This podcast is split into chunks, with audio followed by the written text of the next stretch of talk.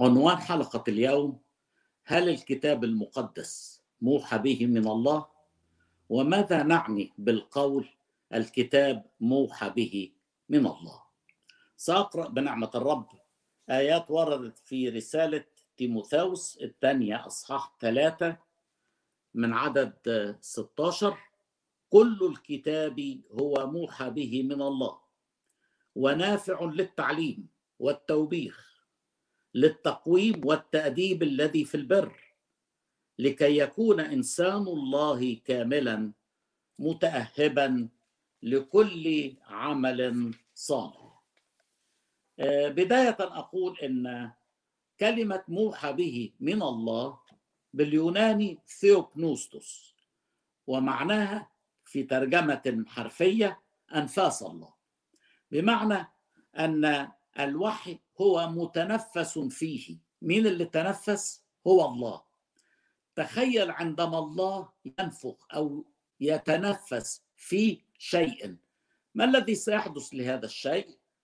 إحنا عندنا في سفر التكوين أصحاح اثنين عدد سبعة الله جبل آدم ترابا من الأرض كتلة طين بس بعد كده يقول ونفخ الرب الإله في آدم نسمة حياة. فصار آدم نفسا حية يعني كان شوية طين شوية تراب. وبعدين لما الله نفخ أصبح عبقري بإمكانيات هائلة. شوف الإنسان قد إيه متفوق على كل خليقة الله والسبب في ذلك نفخة الله نسمة الله. هذا ما حدث مع الكتاب المقدس المتنفس فيه. عشان كده مثلا نقرأ في عبرانيين أصحاح أربعة الآية 12 كل الك... بيقول لنا لأن كلمة الله حية وفعالة وأمضى من كل سيف ذي حدين. يبقى كلمة الله حية مش بس حية وتعطي الحياة. الرب في إنجيل يوحنا أصحاح 6 عدد 63 وعدد 68 يقول الكلام الذي أكلمكم به هو روح وحياة. وبطرس قال للمسيح يا رب إلى من نذهب؟ كلام الحياة الأبدية عندك. يبقى إذا وحي الكتاب المقدس الله تنفس في هذا الكتاب فأصبحت حروفه وكلماته مش مجرد كلمات لكنها كلمات الله التي تعطي وتهب الحياة للمائتين.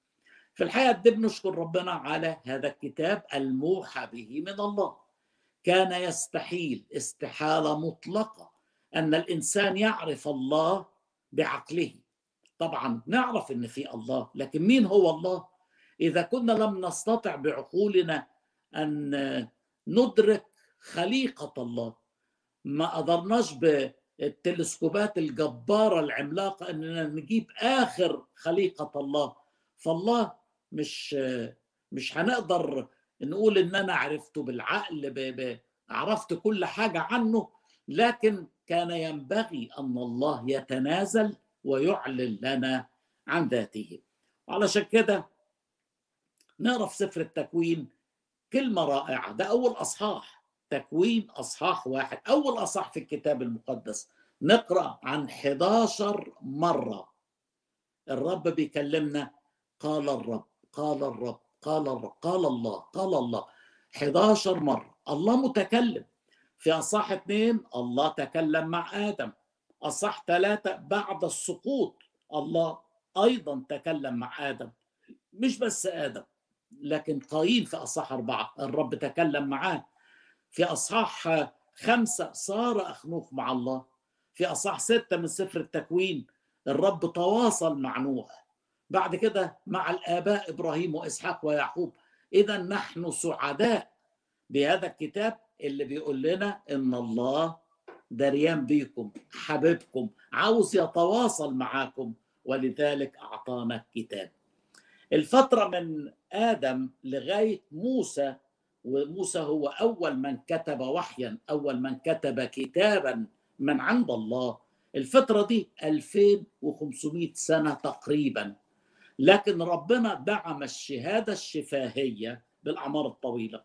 يعني الرب كان في الوقت ده الناس بتعيش أكثر من 900 سنة حتى أن المسافة العملاقة 2500 سنة من آدم لغاية موسى ممكن نغطيها بخمس أجيال فقط.